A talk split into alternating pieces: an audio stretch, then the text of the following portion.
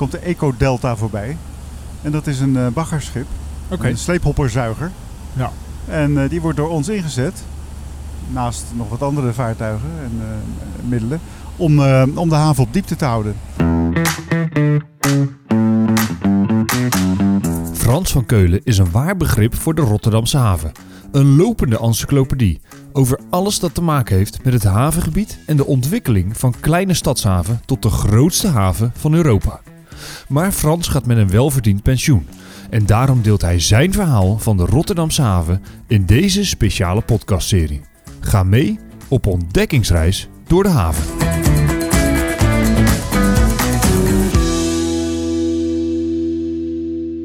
Mijn naam is Selwin Frenzen en in deze podcastserie ga ik samen met Frans op ontdekkingsreis door de haven. Aan het eind van aflevering 2 verlieten we de Maasvlakte en bevinden we ons op het Breeddiep, de vaarweg tussen het Kalandkanaal en de Nieuwe Waterweg. In deze aflevering varen we over de Nieuwe Waterweg richting het Botlekgebied. In zijn bijna 30 jaar bij het havenbedrijf heeft Frans elke uithoek van de haven wel gezien. Ik ben benieuwd wat zijn favoriete havenspot is. Ja, een favoriete havenspot. Ja, er zijn er eigenlijk wel een paar. Kijk, die haven is natuurlijk heel groot. Dus je hebt op een aantal plekken in die haven waar je ook gewoon als particulier bij kunt komen, heb je prachtig uitzicht. Je komt niet zomaar op een terminal, hè? dat gaat natuurlijk niet meer. Nee, uh, en dan zijn er een paar plekken waar, waar je mooi uitzicht hebt op, op, uh, op van die grote schepen. Ja. Uh, nou, dat is in de eerste plaats waar we net van vandaan zijn vertrokken, vanaf Futureland. Daar heb je een prachtig zicht op, uh, op uh, de schepen, zeker als ze vooraan op de kade liggen bij APMT 2. Ja. je ziet de enorme windmolen die daar als testturbine staat van General Electric. Ja, ja, ja. en als je daar dan nog een excursie maakt, nou, dan heb je een prachtig beeld van, van de ontwikkeling in dit gebied. Maar wat ook een hele leuke plek is, en daar varen we nog straks wel langs, maar dat is ehm, dat is bij de Pistoolhaven, naast uh, het kantoor van het loodswezen. Ja. Dat is, uh, dat is ook geen parkeerplek. Dat is, daar, daar loopt de weg dood en weer rotonde. Maar je kan daar ja. wel eventjes stoppen. Mm -hmm. En dan kijk je in die Pistoolhaven. Maar die Pistoolhaven is op zich niet zo interessant. Het gaat om het uitzicht wat je dan hebt. Want je staat recht voor de ingang van het Yangtze-kanaal. Ah, oké. Okay. En ja, dan zie je pas hoe breed dat eigenlijk is. Want als je naast het Yangtze-kanaal staat en je kijkt naar de overkant...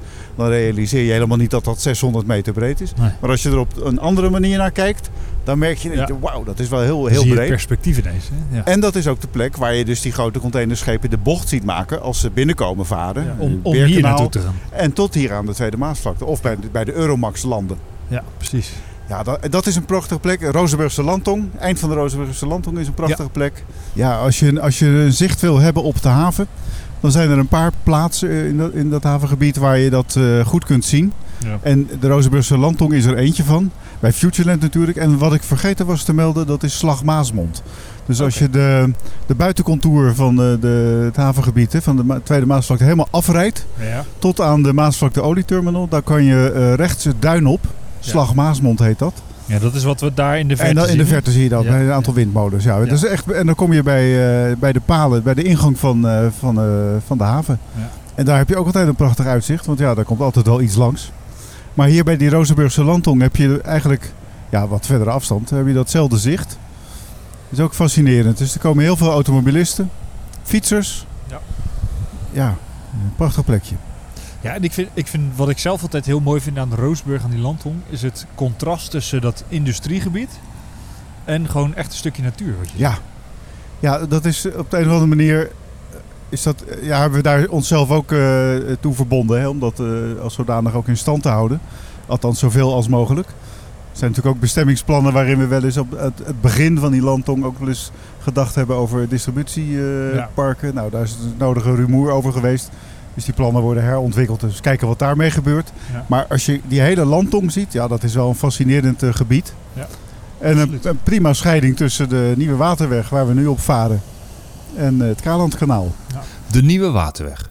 Een ongelooflijk belangrijk stuk voor de Rotterdamse haven, dat in 2022 150 jaar bestaat. Waarom was dit stuk kanaal zo belangrijk voor de haven? Nou, als je gaat kijken naar uh, oude kaarten van uh, de, de, rivier, ja. dan uh, zie je dat de toegang tot Rotterdam helemaal niet zo makkelijk was. En je moet je realiseren dat rond die tijd, zeg maar 1872 is de Nieuwe Waterweg officieel geopend. Maar het groot deel van het scheepvaartverkeer daarvoor was nog afhankelijk van de wind. Je had dus veel zeilschepen, ook vrachtschepen op zeil. En ehm, met de heersende wind is Rotterdam heel gunstig gelegen eigenlijk. Maar met al die zandbanken voor de kust en dergelijke was de ingang naar Rotterdam eigenlijk heel erg lastig. En had je dus breder water nodig. Dus dan ging je ook zuidelijke routes varen. Ja. En daarom is het kanaal door Voorne ook aangelegd om die scheepvaart eh, deze kant op te krijgen. Ja. Maar dat bleef allemaal maar behelpen. En toen heeft een ingenieur bedacht, met de komst van die modernere schepen, stoomschepen, want dat, dat was toen in de opkomst. Dan moeten we ook zorgen dat als Rotterdam een plek wil krijgen in, in die eh, internationale scheepvaartwereld, eh, dan, moet, dan moet de toegang tot Rotterdam verbeterd worden. En eh, hij heeft toen een plan ingediend eh, voor de aanleg van de nieuwe waterweg. Mhm. En dat was met de bedoeling om een, eh, een kanaal te graven door het duingebied wat je daarvan had. Want waar we nu varen, dat was land. Dat bestond als zodanig... Eh, dit echt waar wij nu dit zijn? waar wij nu zijn, dat was land. Ja. Die, die, die grote, een soort driehoek die onder nu Hoek van Holland, de, de plaatshoek van Holland uitsteekt. Dat heette ook Hoek van Holland. En daar is dwars doorheen dit kanaal gegraven. Ja. En eh, de bedoeling was daarvan dat door de stroming van de rivier en het eb en vloed Mhm. dat gebied, dat, die, dat kanaal zich ook op de juiste diepte zou houden. Hè? Door de schuring van, de, van het water en dergelijke langs de bodem, Ja. dat die op diepte zou blijven. Nou, dat was een beetje tegenvallen. Dat ging niet zo soepel als gedacht. Dus het heeft even geduurd voordat die echt effectief was. Toen hebben we ook geleerd van, ook dat soort eh, mondingen van de rivier moet Ja. je onderhouden. En eh, ook met de komst van de techniek die er toen was, konden we ook daadwerkelijk op grotere diepte gaan baggeren. Oké. Want dan had je wel... En wat voor, wat voor dieptes hebben we het dan ook? Ja, in het begin was het misschien eh, 10 meter diep. Ja. Ja, misschien nog niet eens 9 meter. Die schepen waren toen, toen natuurlijk toch kleiner. Ja. Maar goed, voor die tijd ook al een behoorlijke diepte. En die diepte is steeds meegegroeid. De schepen werden groter. En het achterliggend... Hè, want je moet je voorstellen, toen die nieuwe waterweg werd gegraven... was de haven in de stad. Ja. Langs dat hele gebied had je nauwelijks verder eh, eh, enige haven. Ja. Dus je moest echt helemaal naar Rotterdam toe... om daar Om de daar haven te van lossen. Rotterdam, om daar te lossen. Ja. Dus onderweg was er verder helemaal niks. Maar naarmate er langs de oevers, aan de, met name aan de Zuidoever, maar ook Noord, Schiedam, Vlaardingen, havengebieden werden ontwikkeld. En er ook grotere schepen kwamen, werd het ook belangrijker om die, om die nieuwe waterweg ook dieper te maken. En die, en die Ja. toegangsweg, en het Ja. scheur en dergelijke. Dus het is wel veranderd, het is wel dieper gemaakt. En is het ook dat naarmate de schepen dieper werden, dat ze steeds verder deze kant op kwamen waar we nu zijn? Of is dat gewoon, het, waren ze in het begin ook gewoon meer, meer richting stad, zeg maar? Nou, nee, er zit wel, daar zit wel een ontwikkeling in. Want naarmate de, schepen groter werden en je dus ook meer behoefte had aan diep water, Ja. eh, gaat er wel een probleem ontstaan als je dat verder de haven in eh, leidt. Dus helemaal tot aan de stad. Ja. Want door, door dat te verdiepen ehm, krijg je ook een ander stroombeeld. Maar je krijgt ook veel meer ingang van zoutwater met dat eb en vloed. Ja. En dat zoutwater heeft ook weer invloed op de omgeving. En die omgeving van die haven is voor een deel ook landbouw of tuinbouw. En als, dat, als die grond gaat verzilten, dan heb je een probleem daar. Ja. Of met de inname van zoet water. Dus het is wel een eh, goed uitzoeken Ja. van tevoren en berekenen tot, tot waar je kunt gaan en tot hoe diep. En die allergrootste schepen, die grote olietankers die in de jaren 60, eind jaren 50, begin jaren 60 zijn ontwikkeld. Ja, die hadden een, eh, op een gegeven moment een, een diepgang van eh, zeg maar 23 meter. Ja, die, kan je, die kunnen hier niet in. Daarvoor is het gebied Europoort aangelegd. Ja. En het Europoortgebied heeft zijn eigen vaarweg. En dat heet het Kalandkanaal. Dat is dus vernoemd naar de ingenieur die de nieuwe waterweg Ja, heeft en dat eh, is, bedacht. als ik het goed heb, aan de andere kant van de landtong, hè? Dat is aan de andere kant van de landtong, dat klopt. Ja. En het leuke van de landtong is, als je nu vanaf Rozenburg die landtong oprijdt naar het eind toe, Ja. dan zie je eerst alleen maar aan je linkerkant het Kalandkanaal. Ja. Maar op een gegeven moment gaat de weg een beetje omhoog dan kom je echt boven op die dijk te rijden. En dan zie je aan je rechterkant het scheur, Ja. hè, want dat heet het scheur, tot aan de, Maas, eh, tot aan de Maaslandkering. En daarna heet het Nieuwe Waterweg. Ben je benieuwd hoe de ingang van de Rotterdamse haven eruit zag voor de nieuwe waterweg er was? Neem dan een kijkje op portofrotterdam.com slash ontdekkingsreis.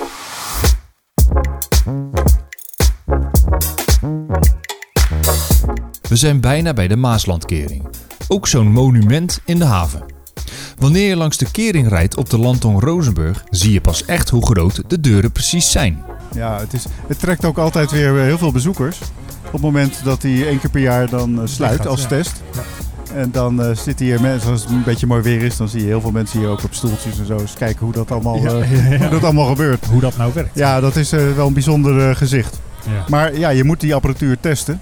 Apparatuur, deuren, het is een enorme gevaart is. Om te kijken of het ook werkt. En op het moment dat het er ook toe doet, dat hij dan ook automatisch dat, dat hij ook echt dicht gaat. Ja.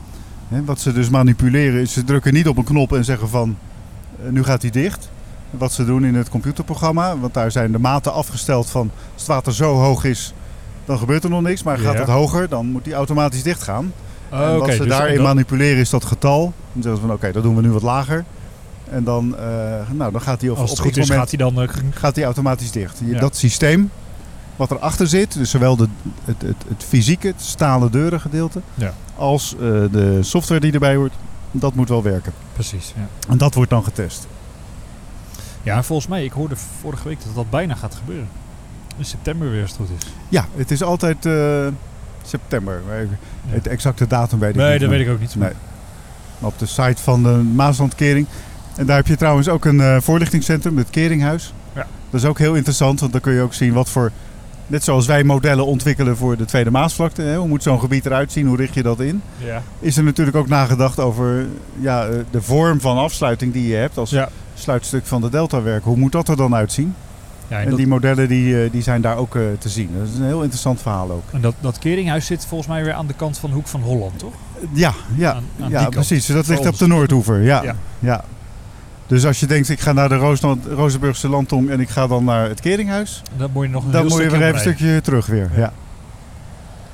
ja. als je het verhaal vertelt van de, Maaslandkering, dan, dan duikt er weer een heel nieuw verhaal op. Want dan heb je het over de positie of de ligging van Nederland ten opzichte van de zee. Ja. Uh, de, uh, klimaatkwesties. Stijging van de zeespiegel. Ja. En dan krijg je daar weer vragen over. En, en natuurlijk is dat, ja, omdat dit een havengebied is, heeft het havenbedrijf daar natuurlijk wel enorm sterk mee te maken. Net zozeer als de bedrijven die in deze omgeving gevestigd zijn. Absoluut. Dus het is belangrijk om dat goed in kaart te hebben en te weten wie is waarvoor verantwoordelijk, wie doet wat. En ehm, dat speelt dus altijd wel een, een, rol als je hier met mensen langs vaart. Want dan wil je toch even uitleggen waar kijk je nu eigenlijk naar? Wat, Waar zitten we naar te kijken? En dan komen er weer allerlei vragen op je af waar het havenbedrijf als zodanig zelf niet voor verantwoordelijk is, maar natuurlijk wel mee te maken heeft. Ja, ja want inderdaad, want dit is van Rijkswaterstaat volgens mij gewoon, de Maaslandkering. Ja. ja. Ja, ik kan me inderdaad voorstellen als jij hier bent met een groep dat ze gewoon, ja, je wilde alles over weten. Ja. Nou ja, dat is het. Hè. het is, als je op kantoor bent, dan heb je deze vraag niet zo snel. Omdat die foto uh, van het Europortgebied, daar zie je wel de Maaslandkering. Maar daar gaat dan de aandacht op dat moment even niet naar uit. Dan gaat het meer over waar dient het gebied voor, wat voor activiteiten vinden daar plaats. Ja, precies. Maar ja, dat geldt voor heel veel uh, stukken van de haven. Als je er doorheen rijdt of langs rijdt of vaart, ja, dan, dan begint het pas echt te leven. Ja, tuurlijk. En dat zie je hier ook. Maar wat voor ja, wat zijn dan de vragen die je krijgt als je hier vaart? Vooral, nou ja, vooral hoe, het werkt? Hoe, ja, hoe het werkt uh, en hoe vaak die dan uh, dicht gaat. En uh, uh, ja, waar het eigenlijk dan om gaat, dan wordt het in wat breder verband getrokken. Want uh, ik weet ook niet alles van de techniek van die Maaslandkering. Nee. Maar in grote lijnen weet je natuurlijk wel iets van de deltawerken. Ja. En de ligging van Nederland ten opzichte van de zeespiegel. Precies. En dan heb je een verhaal dat als je richting uh, Nieuwekerk gaat, dat je dan bijna 7 meter beneden de ja. zeespiegel zit. Dus vandaar dijken, ehm, duinen, verzinnen. Hè? Al, die, al die werken die je nodig hebt om, ja. om dit gebied droog te houden en water wegpompen. Aan de andere kant van de landtong Rozenburg ligt het Kalandkanaal, dat toegang biedt tot Europoort. Maar goed, dat, dat Europoortgebied, dat is dus een ontwikkeling in de eind jaren 50, begin jaren 60. Ja. En daar zie je echt de uitbreiding van Rotterdam als uh, petrochemische haven. Ja. En dat is ook de periode waarin Rotterdam de grootste haven ter wereld werd. Want toen kwamen er enorme hoeveelheden uh, ruwe olie, olieproducten binnen. Uh, die als grondstof hier waren voor de, voor de raffinaderijen in dit gebied. Ja. En uh, de chemische industrie, die zich dus deels op de Maasvlakte heeft ontwikkeld. En voor een belangrijk deel ook in het Botlekgebied zit. Ja. En rond welk jaartal was dat ongeveer? Nou, de Europort is uh, eind jaren 50, jaren 60. Ja, dat is ook weer in stapjes ontwikkeld. Hè. Je, je legt een gebied aan. Het is een, een deel van het voormalige eiland Rozenburg. Het is, als, je, als je gaat kijken naar die hele ontwikkeling langs de Zuidoever, mm En, en ik heb een eh, boek meegenomen eh, eh, waar al die, die kaarten in zijn opgenomen. Ja. Dan is dat enorm op de schop genomen. Dat is Ja. zo een totale transformatie van, van de omgeving geweest. En Europort is daar een heel groot voorbeeld van. Dat een deel is polder, deel was al water, deel was zandbanken. deel was deel van het eiland Rozenburg. Nou, dat is allemaal opnieuw heringericht, vormgegeven, omgebouwd. ja.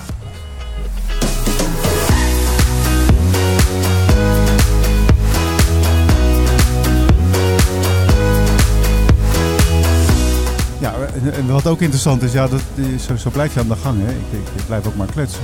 Maar Het geeft niks. er, er komt, ehm, die vaart nu richting de Maaslandkering. Die zijn wij nu net gepasseerd. Wij Ja. varen richting Rozenburg. Er komt de Eco Delta voorbij. En dat is een eh, baggerschip. Een sleephopperzuiger. Ja. En eh, die wordt door ons ingezet. Naast nog wat andere vaartuigen en eh, middelen. Om, om de haven op diepte te houden. De havenbekkens in eerste instantie. Dat is de verantwoordelijkheid van het havenbedrijf. Ja. Eh, maar eh, uiteraard eh, geldt dat ook voor de vaarweg. Dus Ja. dat is ook een samenwerkingsverband met eh, Rijkswaterstaat. Precies. En dan heb je dat soort schepen nodig om die havenbekkens en de vaargeul op diepte te houden. En dat is iets wat ja, feitelijk continu plaatsvindt. De haven staat onder invloed van de rivier. Dus het sediment wat daar meekomt, Ja. dat, ja, daar komt een deel van in de haven terecht op de bodem. Uh-huh. En dat eh, wordt bepaald door natuurlijk stromingssnelheid. Maar het kan ook zijn dat het in eh, bijvoorbeeld Duitsland of Zwitserland ongelooflijk veel geregend en gesneeuwd heeft. Dus op het moment dat het allemaal begint te smelten, dan gaat het allemaal naar de rivieren toe. Ja. En een deel komt eh, via de Rijn Nederland binnen. En dat heeft dan gevolgen voor het- de hoeveelheid sediment die dan meegesleurd wordt. ja, tuurlijk. En dan hebben we nog eens een keer eb en vloed. Nou, dat bepaalt de hoeveelheid zand. Dus dat betekent dat Ja. zo'n hele haven eigenlijk onderhoud verdient. Ja. En dat gebeurt eigenlijk gewoon het hele jaar door. En dat gebeurt het hele jaar door. Ja. Ja. En zowel Rijkswaterstaat als het havenbedrijf beschikt over pijlvaartuigen. Ja. En die meten dus die dieptes. En aan de hand van die dieptekaarten die gemaakt worden, krijgt de, de baggeraar, dat bedrijf dat dat voor ons eh, verzorgt, Ja. die krijgt dan kaarten en die gaat dan eh, die- locaties eh, baggeren om diep te maken zoals Ja. we dat willen. En ook contractueel hebben afgesproken met de bedrijven. Ja, en volgens mij zijn we ook bijna bij het punt waar normaal de Tialf en de, de, de liggen, toch? Nou, dat is nog een klein stukje verder. Of duurt het nog? ja, dat, die Rozenburgse landtong is echt een end hoor. Ja. Eh, maar aan het begin daarvan, net als je van het, eh, eh, de plaats Rozenburg het landtong oprijdt in die bocht, Ja, aan de, aan de kant van het Kalandkanaal, daar heb je de Tjalf en de, en de Slijpneer eh, liggen. En daar hebben we onlangs walstroom geïnstalleerd. Dat betekent dat de generatoren van die schepen kunnen worden uitgezet. En Ja. eh, ze gebruik kunnen maken van eh, stroom. Zonder dat je dan uitstoot. Precies. En ook geluid. Ja, Eh, ja. en, en dat, dat, dat stinkt ook een beetje voor En, de omwonenden ja, dat, precies. Ja. Ja. Ja, dit is eigenlijk een vrij natuurrijk gebied waar we Ja, het, is, het ziet er tamelijk groen uit. Hè. Je ziet in, achter die landtong, daar zie je wel de tanks. En, Ja. en de schoorstenen de, de, de, van de raffinaderij en dergelijke. Maar het, het, het heeft toch wel enigszins groene indruk. Er staan dan wat bomenpartijen. En aan de, aan de noordkant, ja, daar kijk je naar een hele bosrand. En daarachter zit dus voor een groot deel ook polder. Ja. En een fietspad. Dus je kunt ook daar weer helemaal langs fietsen. Als je die havens wil zien, dan zijn er allerlei manieren om dat te doen. Zeker. Het is ook een leuke, leuke route. De haven staat nooit stil. Daarom is het ook zo leuk om de haven te bezoeken. Je ziet elke keer weer iets nieuws en raakt nooit uitgeleerd. Nee, maar het, het, is, het interessante is dat je elke dag toch weer bijleert. Ik heb me altijd eh,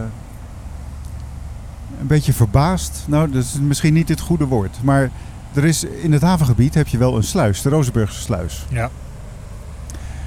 En als je gaat kijken naar de verbindingen naar het water toe. we, hebben gisteren op kantoor hebben we een eh, sessie gehad waarin de directie nog eens even uitlegde op een aantal onderdelen hoe het zit met eh, stukjes infrastructuur. Ja, ja, En een van de onderdelen die daar aan de orde kwam, was de eh, verbouwing of vernieuwing van de Rozenburgse sluis. Die is ook heel oud en dat nou, moet ook nodig weer vervangen worden. En, nou, dan ga je hem ook gelijk verbeteren en dergelijke.